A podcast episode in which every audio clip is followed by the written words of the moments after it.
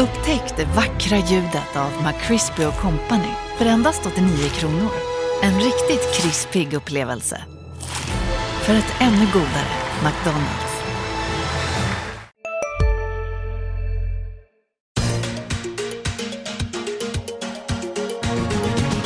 Hej och välkommen till Makrorådet, podden där vi avhandlar de stora ekonomiska frågorna.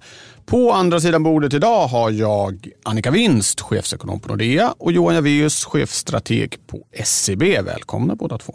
Tack så mycket.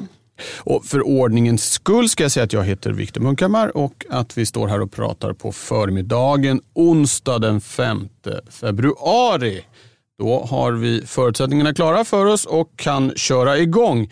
Eh, och jag sa ju de stora ekonomiska frågorna och just nu så är den största ekonomiska frågan kanske ett virus, coronaviruset och eh, hur, hur det ska utvecklas och påverka världen på, på olika sätt. Väldigt svårt att ha några eh, liksom, Eh, Eh, definitiva uppfattningar om. Vi ska i alla fall göra ett, ett försök.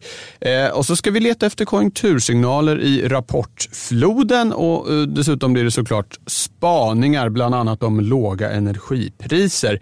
Eh, men jag tänkte att vi eh, som ofta börjar med att helt kort bara ta upp den statistik som kom här nu precis innan vi gick in i, i studion. Eh, och det var ju dels industrins orderingång i december som sjönk något jämfört med november. Eh, också det som Statistiska centralbyrån kallar för produktionsvärde.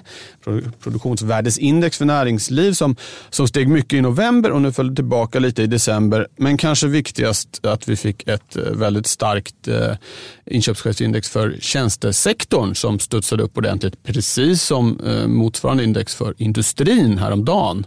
Eh, Annika, många olika saker här, men kort bara det som kom här nu för, på, på, på morgonen här, vad, vad, kan man säga om det? Ja, men statistiken är ju lite spretig nu och eh, inte helt lätt att hålla i handen och det är ju ganska vanligt när man är i vändningspunkter eh, och det vi förväntar oss är väl att industrin ska fortsätta att gå svagt i, i närtid medan däremot det är mer hushållen som tar över stafettpinnen. Eh, tittar man på tjänstesektorn så har vi ju samtidigt fått svaga signaler från arbetsmarknaden i Stockholm och Stockholm brukar vara ledande för tjänstesektorn. Så att eh, det finns både plus och minus där också. Ja, lite rörigt helt enkelt. Johan? Ja, det, det är inte helt lätt att, bilda sig någon uppfattning från enskilda månadssiffror. Men jag tycker att den här PMI-siffran för tjänstesektorn den passar åtminstone in i mönstret här. Att vi, vi börjar få lite, lite mer optimism i sådana här framåtblickande indikatorer. Så att, eh, eh det var rätt så bra. Ja, bra, vi tar med oss den tolkningen och kastar oss över dagens första huvudämne, nämligen eh, viruset som sprider sig eh, från Kina och eh, ut till omvärlden. Ännu så länge är det verkligen framförallt Kina det gäller, coronaviruset.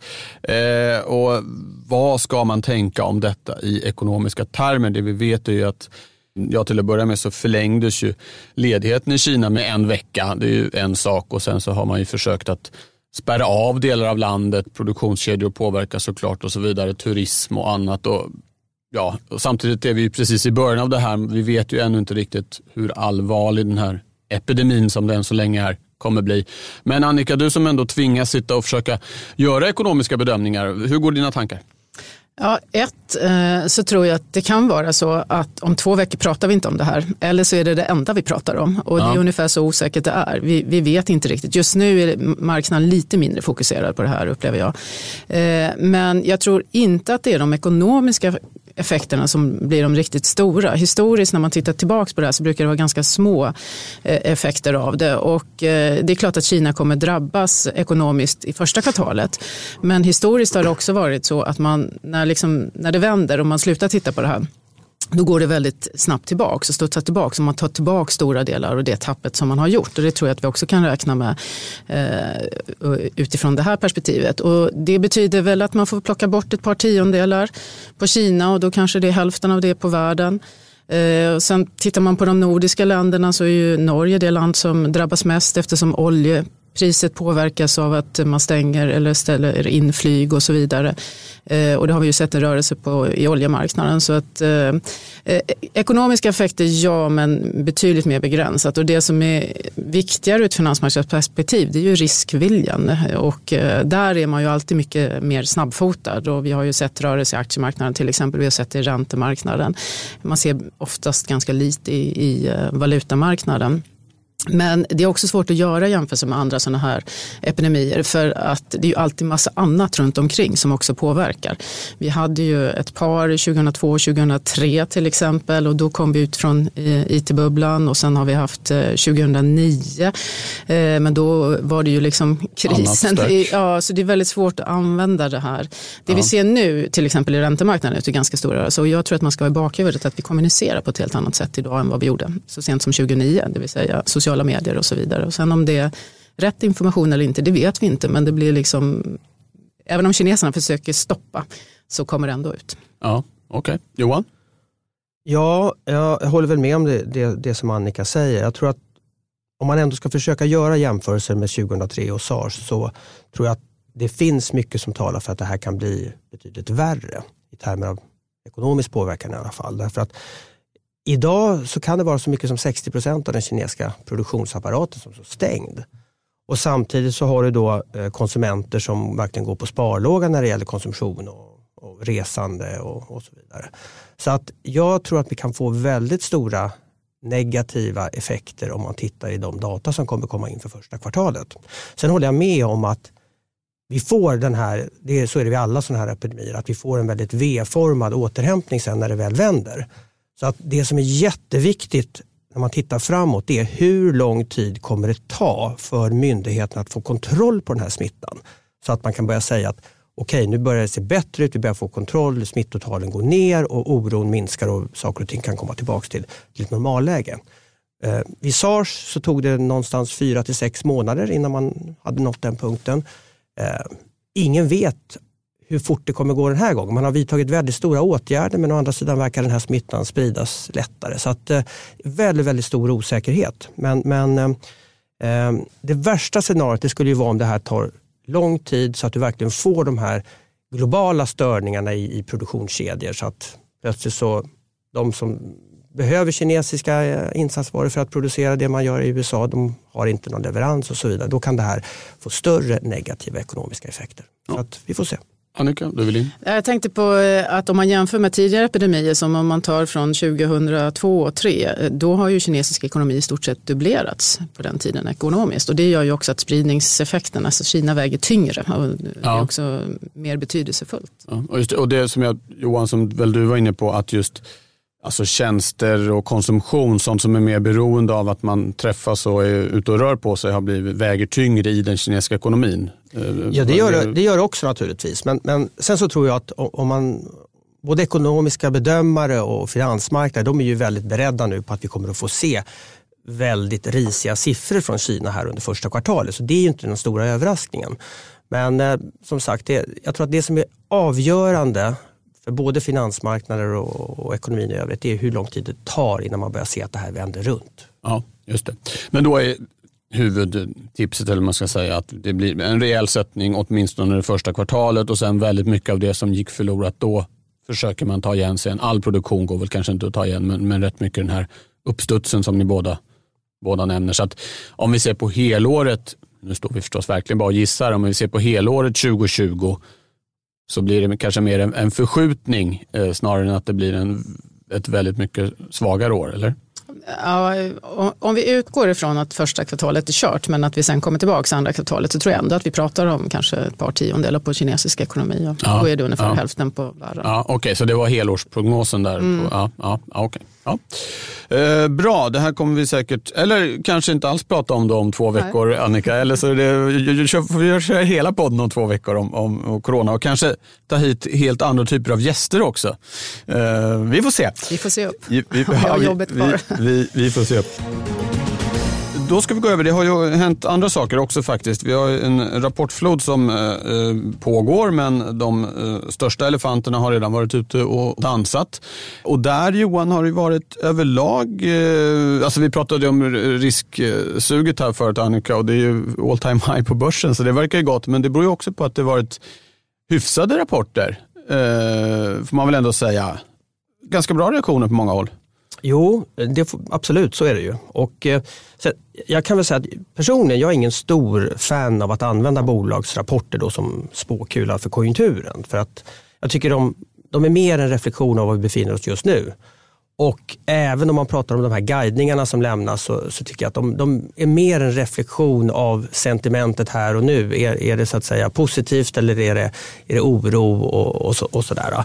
Men helt klart, vinsterna ser ut att ha varit helt okej okay under, under eh, slutet av förra året och eh, banker har ju gått bra. De har ju gynnats av den här eh, att Riksbanken har tagit bort minusräntan och oron för de här penningtvättsskandalerna verkar kanske också ha, ha avtagit en del. Så att, på det stora hela ser det väl, ser det väl rätt, rätt okej okay ut. Sen är det ju eh, man ska vara medveten om att framöver, det som avgör hur det kommer gå framöver, det är, det är ju vinsterna och de i sin tur är kopplade till konjunkturen. Så att om vi nu har passerat de här riktigt eh, dåliga konjunkturförutspåelser eh, som man hade då någon gång eh, ja, höstas, somras eh, 2019 och nu ser lite mer positivt på framtiden så är det klart att det talar för att då vinsterna kan ändå utvecklas på ett okej okay sätt även 2020. Ja. Kan, kan, nu, du sa just att du ogillade att använda de här eh, prognoserna från, från bolagen, men eh, kan man ändå se, jag vänder mig till dig nu Annika, no, no, någonting, det man brukar prata om är sådana här som Sandvik, SKF, eh, den typ, alltså verkstadsbolagen som är verksamma globalt som ju är kan känna av det ganska snabbt. Sandviks vändskär exempelvis är en sån där klassisk indikator. Har, har, tycker du dig kunna säga någonting om hur den globala konjunkturen mår utifrån eh, rapportbolagens, eh, både vad de rapporterar och vad de säger om hur utsikterna? Nej, men jag är precis som Johan, ingen rapportnörd. Eh, däremot, eh, det, om man liksom bara tar de stora penseldragen så är väl ändå industrin eh, lite svagare.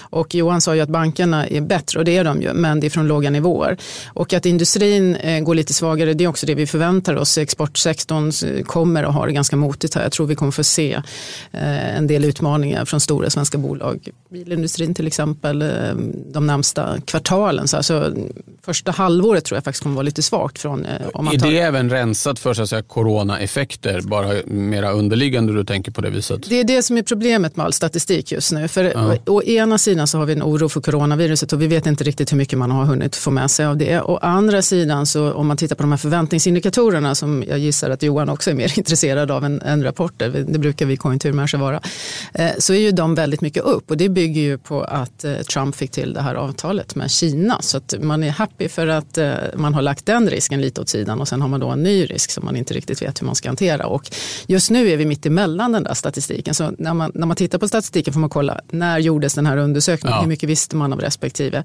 Och tar man till exempel ISM som kommer in för USA, alltså brett konjunkturmått för amerikansk ekonomi, så var ju det starkt och, och, klart upp. Men då hade man inte så mycket corona med sig, men man hade handelsavtalet. Mm. Ja. Okay. sen är det också, det kan man väl lägga till framförallt för nordiska bolag, då, det, det är ju en rätt så ansträngd värdering nu. Vi har väl P 22 nästan på, på Stockholmsbörsen. Så det, det är högt och det gör väl också att risken för bakslag om nu vinsterna inte skulle leverera som man hoppas på eller om du skulle få konjunkturbakslag här under, under de kommande månaderna så, så finns det lite fallhöjd. Ja, precis.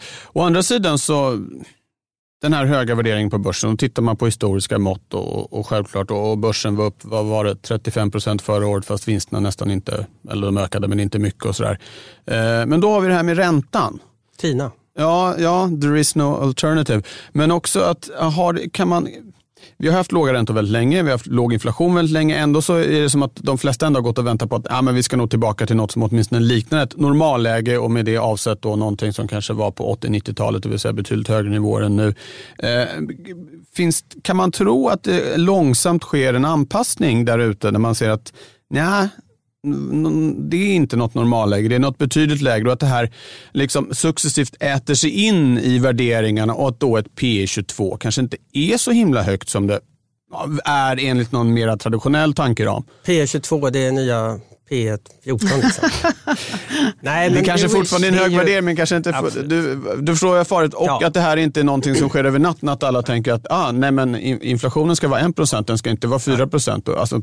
ja, men det, är ju, det, det där är väl det starkaste fundamentala argumentet för varför aktier och en massa andra tillgångar, även fastigheter, ska ha en högre värdering än det har idag. Om vi kan räkna med att ränteläget kommer ligga kvar så här lågt, inte bara nästa år och året därefter, utan på, på väldigt lång sikt då är det klart att då, då, då ter sig allting som har en avkastning som du kan diskutera med, med, en, med en ränta som, som kanske till och med är billigt idag. Och det ja. gäller även aktier med en direktavkastning. Vi har en direktavkastning på, det ligger väl runt 3% Har du också valt att bli egen? Då är det viktigt att skaffa en bra företagsförsäkring. Hos oss är alla småföretag stora och inga frågor för små. Swedeas företagsförsäkring är anpassad för mindre företag och täcker även sånt som din hemförsäkring inte täcker. Gå in på swedea.se företag och jämför själv. Hej, Synoptik här. Hos oss får du hjälp med att ta hand om din ögonhälsa. Med vår synundersökning kan vi upptäcka både synförändringar och tecken på vanliga ögonsjukdomar. Tid på synoptik.se. På Stockholmsbörsen. Så att, eh, du måste ju i princip räkna med ett börsfall för att välja att inte ligga i börsen och hellre ligga i obligationer där du inte får någon avkastning alls. Annika? Mm, jag har inte så mycket synpunkter på om 22 är rätt. Det behöver du inte ha heller. Det är andra i banken som är bättre på. Men däremot det är inte bara räntan utan det är också balansräkningarna. Och vi ser ju nu att vi har eh, stimulanser från USA, ECB ska ligga kvar, Riksbanken också. Så att, eh, jag tror att det är ganska naturligt. Vad ska, vad ska aktiemarknaden göra? Du får, eller investera göra? Du får inte avkastning någon annanstans och i aktiemarknaden får du det. Mm, Tina då igen? Tina, precis. Ja, ja, okay. Bra, eh, nu har vi pratat jättemycket om börsen i makrorådet. Det är ett litet besök från en sällsynt gäst. Eh, men vi går såklart eh, direkt tillbaka till om den typen av frågor vi brukar prata om. Det är nämligen dags för den första spaningen. Eh, Annika, eh, jag lovade kloka tankar om låga energipriser och effekter därav. Är det det vi ska få från dig? Mm, ja, om de är kloka eller inte. Det, är de det får lyssnarna ja, ja. värdera. Eh, men eh, min tanke är att eh, det varma vädret gör att vi får väldigt låga energipriser. Och som jag nämnde innan, vi har också då ett oljepris som har fallit. Och det är inte bara så att det är lite varmare, utan det är väldigt mycket varmare om man tittar i ett långt perspektiv. Och Värme är en stor del, eller en uppvärmning av våra hus till exempel, är en stor del av, av inflationen.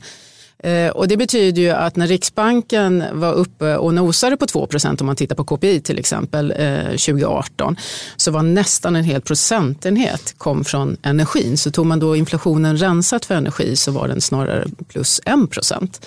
Eh, och det där använde ju Riksbanken och sa att nu är vi nära målet. Nu kommer de få det där i ryggen. Risken är ganska stor att det blir precis tvärtom. Att om man inte rensar för energi så kommer inflationen komma ner till mycket låga nivåer. Och eh, det som är lite utmanande då för Riksbanken är ju att eh, man har sagt att man har fört den här expansiva politiken för man ska skapa trovärdighet för inflationsmålet. Men vi ser ju redan nu att femårig inflationsförväntning om man tittar på Prospera och det är ju oftast de som är de centrala de avviker redan nu från inflationen. Normalt brukar de ligga liksom på inflationsmålet, eh, måttet. Och, och, och, när de stämmer överens då kan ju Riksbanken vara ganska trygg i det. Men nu har vi ett gap där inflationsförväntningarna viker ner eh, Eh, från inflationen. Och det är klart att det kommer skapa en stor stress för Riksbanken. En press på dem säkert från vissa aktörer att man ska sänka räntan igen. Jag tror inte de vill göra det. Men de kommer ha svårt att nå inflationsmålet om de inte använder inflationen rensat för energi. Eh, och de kommer ha svårt att hålla uppe inflationsförväntningarna. Så jag tror det kommer att ha mycket diskussion om det här och det kommer att bli väldigt intressant att läsa protokollen hur de olika direktionsledamöterna resonerar eh, i de här frågorna. Precis, det är ju faktiskt ett räntebesked redan eh, nästa vecka men det kanske är lite för tidigt att förvänta sig någon typ av kommentarer kring det ja, redan nu? Vi kommer nu, börja leta i protokollet. Ja, Beskedet ja. är ganska ointressant. Ja. Räntan kommer ligga still och man kommer inte göra någonting. Men, men däremot kommer vi leta i protokollet. Hur resonerar de olika ledamöterna och ja. den här pressen kommer öka. Och sen har vi ju dessutom ett jättestort löneavtal som sätts nu sista mars. Och där får de inte heller någon draghjälp. Så att, eh, ganska tuff miljö för Riksbanken. Ja, vad har ni, bara nu viker jag av helt här, men vad, har ni, vad tänker ni där? Du har ju legat som nästan klistrat på 2,5 de senaste ja, åren. Det är, är det, det, som ni är vår prognos, inklusive löneglidning. Ja, just det. Precis. Två och så en halv i löneglidning kanske. Ja. Eller något sånt. Ja, okay, och de flesta ligger ju där, det handlar om någon tiondel upp eller ner ungefär Ja, från ja. de olika, även från parterna. Vilket gör att det ska ju väldigt mycket till att Riksbanken ska få så mycket som de behöver, det vill säga kanske fyra för att nå inflationsmålet. Ja, Okej, så att låga energipriser, huvudverk för Riksbanken. Eh, Johan, kommentarer på den? Jo, jag håller med om det och jag tycker man, man kan ju titta i Europa också. Om man tittar på inflation med eller utan energipriser i, i eurozonen så ser man att tar man bort energipriserna då har man i princip någonting som ligger helt flat under ja, snart tio år. Så att det verkar väldigt svårt att få det här underliggande inflationstrycket att stiga.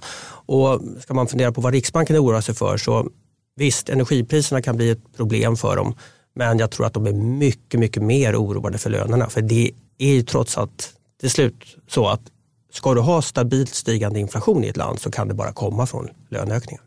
Men, men det Johan säger också att vi har legat flat i stort sett under mycket lång tid på betydligt lägre nivåer än, än målen. Eh, det säger ju ganska mycket. Det vill säga att det är svårt. Vi sätter inte priserna i vårt eget land längre. Det är väldigt svårt för centralbanker att styra det. Det är global prissättning på väldigt mycket. Och sen har vi några priser som är volatila och som sätts på eh, världsmarknaden. Det vill säga energipriser och livsmedelspriser. Och det är ju också ett skäl till att några centralbanker rensar för dem för att du ska se vad är den inhemska inflationen. Och där blir det väldigt svårt att få upp den eh, om man ska rensa för de här eh, globala priserna. Eh, och då är man i stort behov av lönerna och det, det har vi inte med oss. Ja, Okej, det här kommer vi komma tillbaka till. Det är ett löfte. Johan, hur spanar du? Eh, jo, jag har, det är ju nytt decennium Ja, och det är då det. är det ju alltid tid för lite reflektion och kanske lite tillbakablick. Sådär. Jag, jag, jag har funderat lite på det här med, med klimat. Vi har ju haft eh, klimatfokus och pratat väldigt mycket om klimat. Det har vi gjort länge så det är ju inte på något sätt något nytt. Men jag tycker ändå det är någonting som har hänt relativt nyligen som jag tror kommer vara väldigt viktigt för att forma utvecklingen framöver. Och det är, eh, 20-talet, det ser ju ut att kunna bli det här årtiondet då de här klimatåtgärderna verkligen börjar omsättas i praktiken. Ehm, och det kommer i så fall ge enorma förändringar i samhället och, på ekonomin på en massa olika områden. Och jag tror att en stark drivkraft här det är att vi har börjat prissätta de här, den här klimatpåverkan på ett sätt som vi inte har gjort tidigare. Tidigare så pratade vi oftast om klimatkostnader som någonting lite abstrakt och ja, det var stort men, men eh, lite obestämt sådär och det var någonting som skulle komma att drabba våra barn och barnbarn i framtiden. Va? Men idag så är det en stark trend att vi börjar prissätta det här. Eh, vi börjar sätta riktiga prislappar på klimatpåverkan, alltså riktiga kronor, dollar, eh, euro eh, här och nu och inte långt in i framtiden. Och när det händer, då, då börjar det hända stora grejer. Eh, jag menar, nu är det ju det här att du, du börjar ju behöva betala mer om du bor i ett område där risken för översvämningar är stora. Eller, jag gissar att man måste betala mycket mer om man vill försäkra sin skog, skog mot brand i, i Australien eller kanske mot skadegrepp, ja, skadeangrepp om, vi, om, om du har eh, skog i Sverige. Va? Och är det någonting som finansmarknader är väldigt bra på så är det att stöpa om verksamheter när det råder nya ekonomiska förutsättningar. Eh, och det, här, det här tycker jag att man ser väldigt tydligt på massa olika områden. Ni kommer ihåg Aramco som noterades i slutet av förra Stora året. saudiska Ja, precis. Eh, oljebolaget. när, när de här planerna offentliggjordes, då, jag tror det var 2016, då var det, stod man på stora trumman, det skulle bli fantastiskt och det skulle listas på alla de här stora börserna. Det skulle bli en fan, fantastisk värdering. så blev det en mycket lägre värdering, det blev bara en lokal listning och det visar sig att investerare utanför Saudiarabien de vill ju inte liksom ta i det här företaget med tångens. Så det, det, det beskriver den här, det här nya, nya som håller på att hända. Larry Flink från, från Blackrock som skrev det här brevet nyligen till eh, alla de Flika in att Blackrock är en av världens absolut största förvaltare. Precis. Eh, där man i princip gick ut och sa till de bolag där man är ägare att vi kan acceptera en lägre avkastning om ni använder dem eh, för att göra klimatinvesteringar. Men vi kan inte acceptera att ni inte gör någonting. Så att det börjar ske en, en, en, en stor förändring. Vi ser att Riksbanken har börjat eh, skifta om i sin, i sin obligationsportfölj och göra sig av med en del klimatobligationer eh, eh där det är ett större klimatavtryck. ECB med, med, med Christine Lagarde som har börjat öppna för att man kanske ska ta, ta någon sorts klimathänsyn i den framtida penningpolitiken. Exakt vad det kommer att bli eller hur det kommer att se ut, det vet vi inte än. Men det är ändå en, en indikation om att någonting håller på att hända. Och sen naturligtvis även alla vi konsumenter och hushåll. Jag menar, det kanske fortfarande är så att vi väljer att åka på den där weekendtrippen till Barcelona i, i november om, om det, man inte har sett solen på tre veckor. Men, men vi lägger liksom inte ut bilder på Facebook längre.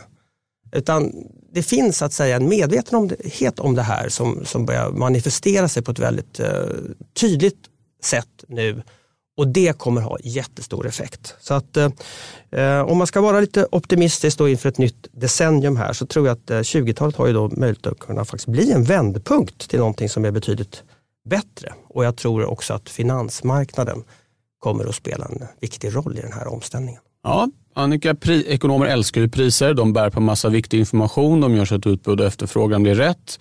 Sen är det här problemet att om priset är fel, som ju kan hända exempelvis, det är, luften är fri så att säga, det är bara att släppa ut, man behöver inte betala. Men om det nu börjar hända här som Johan säger, kan vi få de här att eh, finansmarknadens gigantiska och effektiva maskineri kan börja användas i större utsträckning när det blir, får, får prislappar på de här sakerna? Jag tycker det är lite intressant att du säger kan vi få det, för vi har redan fått det. Ja. Eh, jag tycker däremot inte att centralbankerna, det är lite tveksam, vi behöver ha en större debatt om centralbankerna ska ha det här också i sin roll.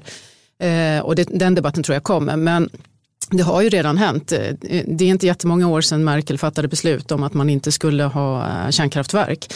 Idag kan du inte investera eller få investerare att ta i kol i Europa till exempel. Och man, man tänker kol, kolet är det viktiga som vi ska verkligen fokusera på. Det ska vara kvar i marken. Och det, en investering i, i kolindustri det är liksom en investering i 40 år och då ser marknaden där det är liksom en risk att du förlorar pengar i 40 år. Vem vill ta i det? Ingen. Kan jag flika in att jag igår lärde mig att det som Coal Index som täcker just kolbolag på USA-börsen eh, var ner 80 procent i fjol. Ja. Ner 95 procent de senaste tio åren. Exakt, för det är helt, o, det är helt ointressant att vara. Alltså det här ja. har redan hänt. Det jag skulle vilja komplettera eh, Johans spaning med är att det går väldigt fort i marknaden. Marknaden är snabb på det här. Det är priser, man kan tjäna pengar eller man kan göra stora förluster. Då gäller det att skydda sig. Det är därför Blackrock går ut och säger det här. De ser att det här kan bli en kostnad i framtiden om man inte tänker rätt. Det som jag oroar mig för, och nu hoppas jag att ni har politiker som lyssnar på den här podden, det är att de släpar efter jättemycket. Jag förstår inte varför inte svenska politiker är med och driver på det här och pratar om det här väldigt mycket mer. För det är så mycket effektivare än att få hushållen att sluta konsumera olika saker. Och till exempel så pågår det, jag vet inte om ni har pratat om det här, men EU-taxonomin är ju ett sätt att försöka klassificera som man håller på med inom eurosamarbetet. Och, och det, än så länge är det klimatet, nästa är socialt. Det är inte perfekt det systemet, men det är ett sätt att försöka hjälpa investerare att välja rent istället för smutsigt smutsigt. Och här skulle ju svenska politiker, ministrar behöva vara och driva på det här. Sverige har ju kommit långt i de här frågorna. Vi skulle kunna ta en framträdande roll här. Och det, det, är faktiskt väldigt viktigt. Men när jag pratar med många ministrar så är de inte alls på den här bollen. De är tveksamma till om verkligen marknaden kan göra det här. Så det är ett förlegat synsätt. Och det, det var lite det jag menade med att liksom ta hjälp av marknaden som ju är jättebra på just att handla, sälja, köpa, eh, jämföra priser och sånt när man börjar få prislappar på saker. Delvis har det då Marknaden men där kan man det. göra det är ett väldigt effektivt verktyg. Marknaden kommer göra det för att vi har inte, företagen inser att de har inte råd att springa på fel bollar för det är rena förluster och tar man, springer man på möjligheterna så kan man göra väldigt stora affärer. Så marknaden kommer springa före politikerna men det hade blivit mycket bättre om vi hade sprungit i takt och politikerna hade varit med och drivit på det här åt rätt håll. Eh, och där skulle jag önska att, att man var mycket mer aktiv. Ja, Bra, Tack för det. Intressant. Vi ska börja runda av eh, och då blir det ju som bekant eh, veckans viktigaste, alltså vad man eh, absolut ska hålla koll på den allra närmaste tiden. Annika, vad kommer du inte missa? Mm, då kommer jag vara lite finansmarknadsnördig. Oh, underbart. och det är en chansrisk hur man ser att vi får väldigt stora emissioner i januari, alltså mycket större än vad de varit. De indikationer som vi ser. Emissioner av vad och av, av vem? Av, av, papper, olika papper, till ja, exempel okay. av hypoteksinstitut och så vidare. Men vi, ja. har, vi har en, normalt så brukar månadssiffran ligga på runt 35 miljarder eller något sånt där och toppen tidigare brukar ligga runt 50-55. Nu kanske vi kommer upp mot 80 i månaden. Och det här är ju en signal om att vi badar i billiga pengar. Alltså jag var inne lite grann på centralbanken och deras balansräkningar. Men det ska bli väldigt intressant och det kommer de närmaste dagarna. ska vi se hur det ser ut. Men det är ju en signal om att ja, det är väldigt billigt där ute och då är det många som är där och nappar. Ja, okay. Johan?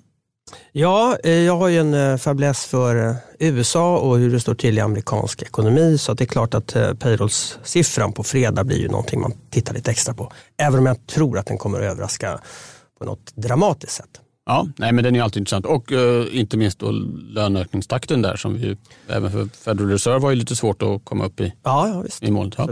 Bra, då lägger jag helt fräckt till som vi har varit inne på med Riksbankens räntebesked då i, i nästa vecka och dessutom apropå det här med om centralbanken ska eller inte ska ta klimathänsyn i bred bemärkelse.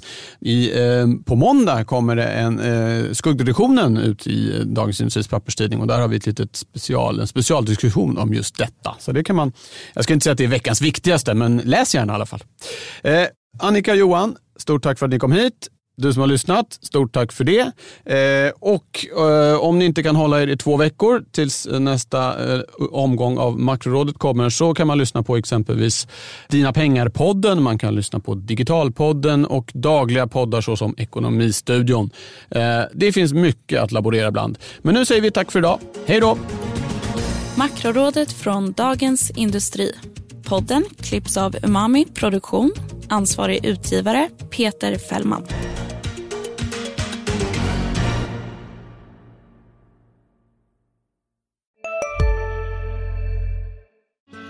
Susanne Axel här. När du gör som jag och listar dig på en av Krys vårdcentraler får du en fast läkarkontakt som kan din sjukdomshistoria. Du får träffa erfarna specialister, tillgång till lättakuten och så kan du chatta med vårdpersonalen. Så gör ditt viktigaste val idag, lista dig hos Kry. Ni är med om det största och det största är den minsta. Ni minns de första ögonblicken och den där blicken gör er starkare. Så starka att ni är ömtåliga. Men hittar trygghet i Sveriges populäraste barnförsäkring. Trygg Hansa. Trygghet för livet.